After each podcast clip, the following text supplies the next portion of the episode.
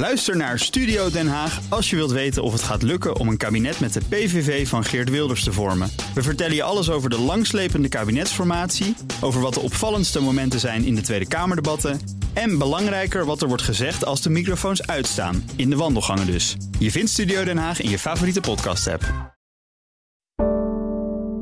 Een goedemorgen van het FD. Ik ben Pauline Swuster en het is donderdag 13 oktober.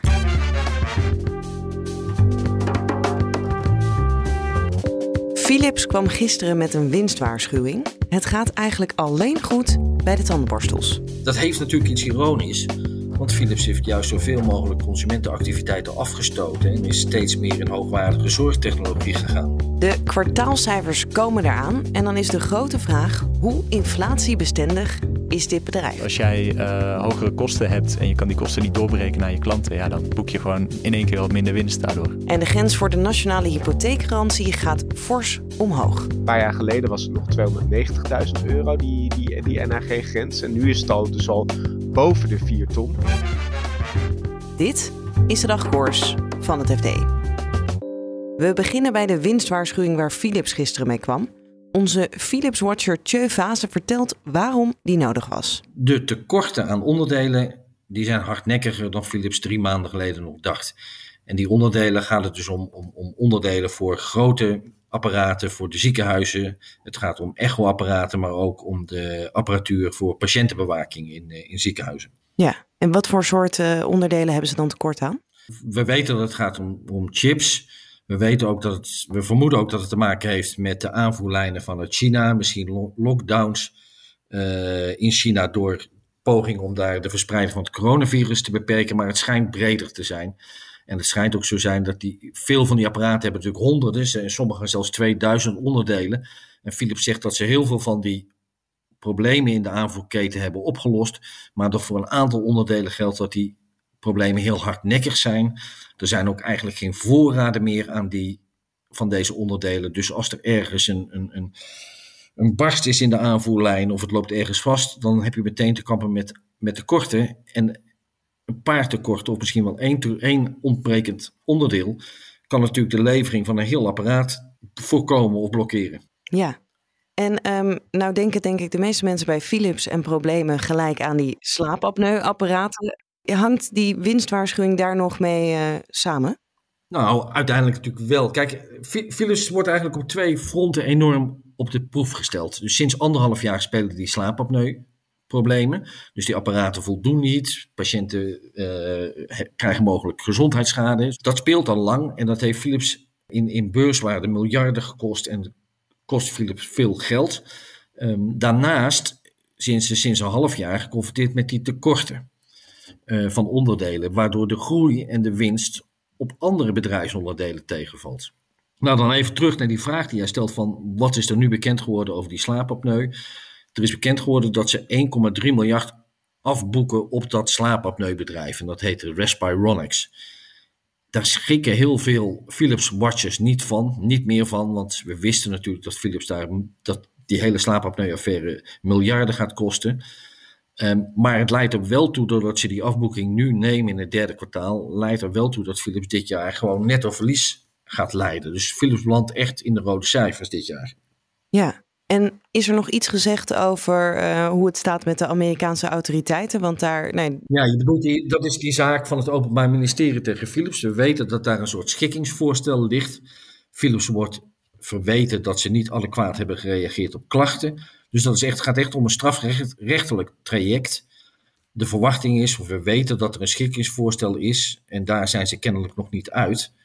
Maar die post die ze nu van 1,3 miljard die ze nu afboeken, heeft daar kennelijk wel mee te maken. En vooral, zoals ik het begrijp, moet Philips rekening mee houden dat, dat ze een strafmaatregel opgericht krijgen.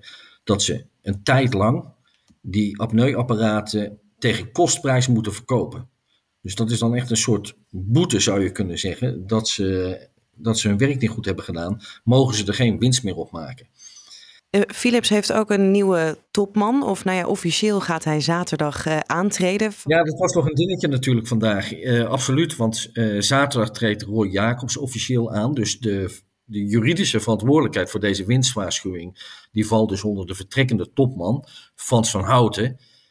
Ja, die zei ook in een, in een gesprek met analisten, zeiden van ja, ik had mijn vertrek anders voorgesteld. Want je, je ziet eigenlijk hoe zijn hele erfenis in anderhalf jaar is ingestort. Tegelijkertijd ja, gaat iedereen ervan uit dat, dat de nieuwe man, Roy Jacobs, die is natuurlijk nauw betrokken geweest bij deze beslissing om deze winstwaarschuwing nu uit te doen gaan. Uh, dat is duidelijk. Hij heeft ook een korte verklaring afgegeven tegenover die financiële analisten. En uh, nou ja, wat, wat je natuurlijk weet uit ervaring, een, een, een, nieuwe topman heeft er natuurlijk belang bij om, om de pijn of alle tegenvallers die ergens in een bedrijf nou, ik wil niet zeggen verstopt, maar verborgen zitten, om die tegenvallers zo snel mogelijk te nemen en ook uh, ruim te nemen. Um, nou ja, daar lijken we nu iets van te zien. Ja, is er ook nog iets van uh, goed nieuws voor Philips? Gaat er nog een onderdeel wel goed? Je hint natuurlijk op de consumentendivisie. Uh, dat zijn de, de, tandenborstels en de elektrische tandenborstels en de scheerapparaten, de elektrische scheerapparaten van Philips. Dat draait, dat draait eigenlijk heel behoorlijk. Dus die, daar, daar stijgt de winst en daar stijgen de verkopen. Dat heeft natuurlijk iets ironisch. Want Philips heeft juist zoveel mogelijk consumentenactiviteiten afgestoten en is steeds meer in hoogwaardige zorgtechnologie gegaan. Uh, nou ja, je ziet op dit moment dat hun meest traditionele onderdeel het beste draait.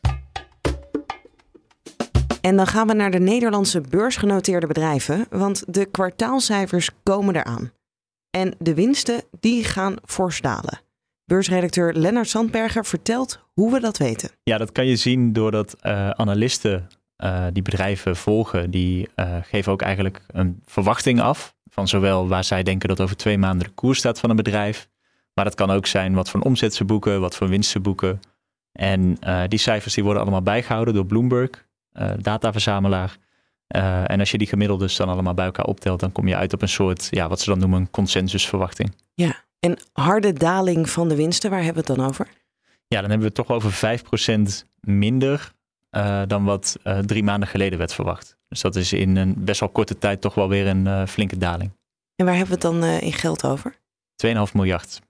Dat is toch best wel wat. Waar, waar, waar, komt het door? Nou ja, er zijn een hele hoop redenen voor. En ik denk dat iedereen die deze podcast regelmatig luistert, die ze vaak tegenkomt. De inflatie loopt hard op. Dus voor bedrijven wordt het inkopen van goederen ook duurder. Personeel is schaars. Nou ja, de economie zit sowieso tegen. De, uh, de angst voor een recessie, dat betekent nu ook al dat de consumenten heel weinig vertrouwen hebben in de economie. En dus daardoor ook grote aankopen uitstellen. Ja, dat raakt allemaal uh, uiteindelijk de, de winsten die uh, bedrijven willen boeken. Ja, en we zagen eigenlijk dit hele jaar de koersen al een beetje dalen. Zijn nu de winsten, nou ja, hebben die, die trend ook overgenomen? Ja, daar lijkt het wel een beetje op. Maar al zou je natuurlijk ook kunnen zeggen, natuurlijk, uh, de rente sliepen heel hard op. Nou ja, als de rente hoger is, dan kan je als belegger ook denken van, nou, ik haal mijn geld uit aandelen en ik stop het gewoon op de bankrekening of uh, in, in andere producten. Ja. Maar wat natuurlijk wel meespeelt, is dat iedereen het hele jaar al een beetje zat te kijken naar, zeker sinds de oorlog in Oekraïne, naar nou hogere energieprijzen.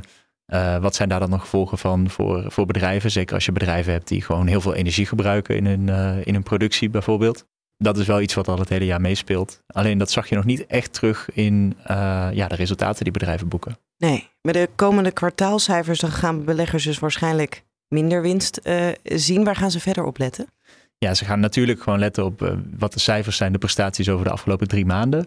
maar wat voor beleggers vaak nog veel belangrijker is, is wat bedrijven over de toekomst zeggen. Dus veel bedrijven die geven een zogeheten guidance af. Dus die zeggen van nou, voor het hele jaar verwachten we ongeveer deze en deze winst. En ja, daar zag je afgelopen zomer bij de halfjaarcijfers ook al wel dat die uh, bedrijven toch wel wat voorzichtiger werden. Of dat die, die uh, voorspellingen niet helemaal gehaald werden, die ze ook al eerder hadden afgegeven. Dus daar kijken beleggers heel goed naar en ook naar welke bewoording uh, bedrijven daarbij gebruiken. Dus bijvoorbeeld waar ze ook naar kijken is, kunnen bedrijven wel de hogere kosten die ze maken, bijvoorbeeld dat materialen en energie duurder zijn geworden, kunnen ze dat goed doorberekenen aan hun klanten? En daar zijn ze wel uh, ja, erg op hun kivief. Ja, want als ze dat niet kunnen, dan gaat de inflatie ze nog harder raken. Ja, precies. Want als jij uh, hogere kosten hebt en je kan die kosten niet doorberekenen aan je klanten, ja, dan boek je gewoon in één keer wat minder winst daardoor. Ja. Is er ook nog een bedrijf dat er positief uitspringt? Ja, dat is Shell, het, uh, de oliemaatschappij. En ik denk dat iedereen die regelmatig bij een tankstation staat wel weet waarom dat zo is. De olieprijs is natuurlijk enorm uh, hoger geworden, zeker sinds de inval in Oekraïne. En nou ja, dat, daar profiteert Shell natuurlijk van. Ze kunnen hun olie gewoon door duurder verkopen.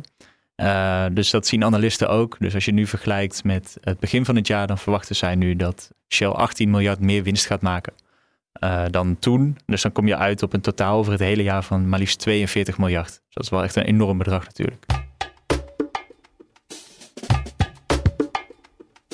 En tot slot gaan we naar de woningmarkt, want de grens voor de nationale hypotheekgarantie wordt fors verhoogd.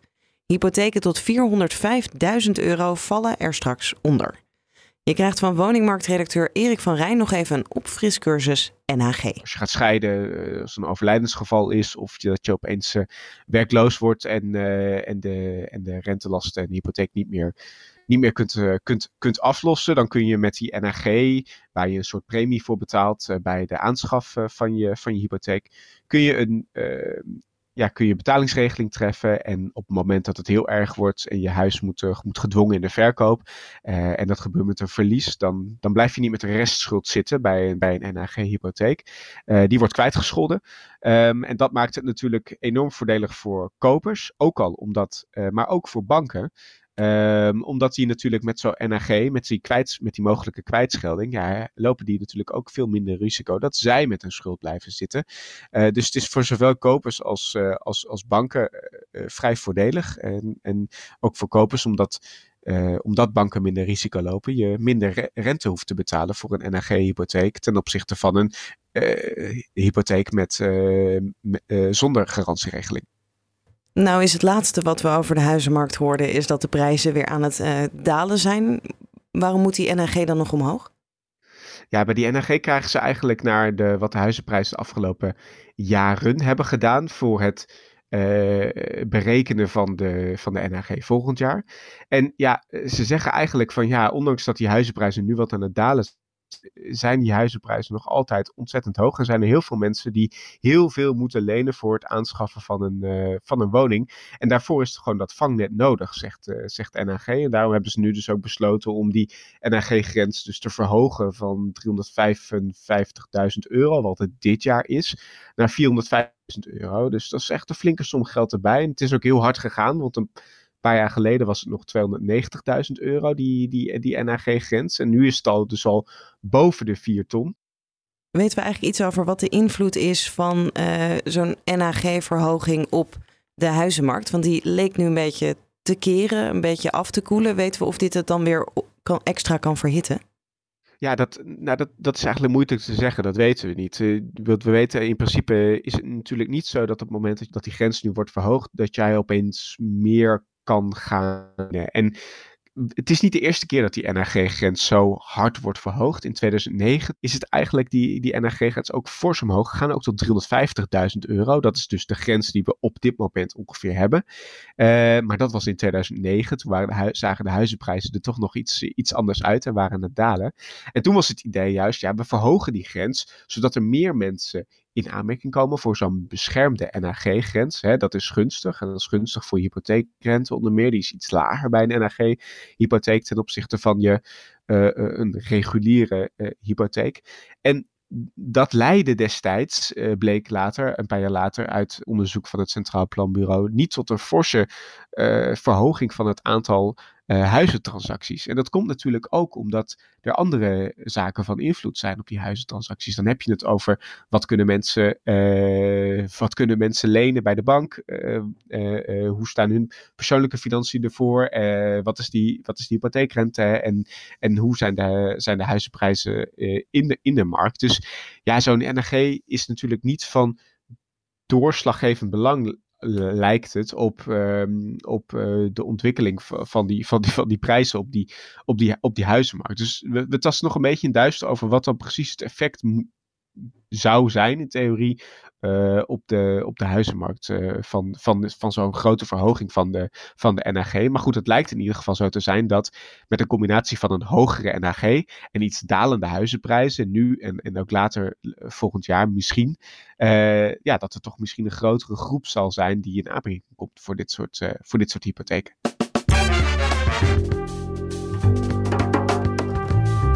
Dit was de dagkoers van het FD. En blijf nog even luisteren, want wij hebben je stem nodig. Onze serie Achtergesloten Deuren is genomineerd voor een Dutch Podcast Award. De serie gaat over het wel en wee van de Twentse multimiljonair Gerard Tandrink. Steun ons dus door op Achtergesloten Deuren te stemmen. Kan op podcastawards.nl en je vindt de link ook in de show notes als je dit te snel ging. Voor nu een hele fijne dag en graag tot morgen. Ook Hugo Reitsma vind je in de BNR-app. Superhandig die BNR-app. Je kunt alle programma's live luisteren, breaking nieuwsmeldingen. Je blijft op de hoogte van het laatste zakelijke nieuws. En je vindt er alle BNR-podcasts, waaronder natuurlijk de belangrijkste, Boeken zijn in de wijk. Download nu de gratis BNR-app en blijf scherp.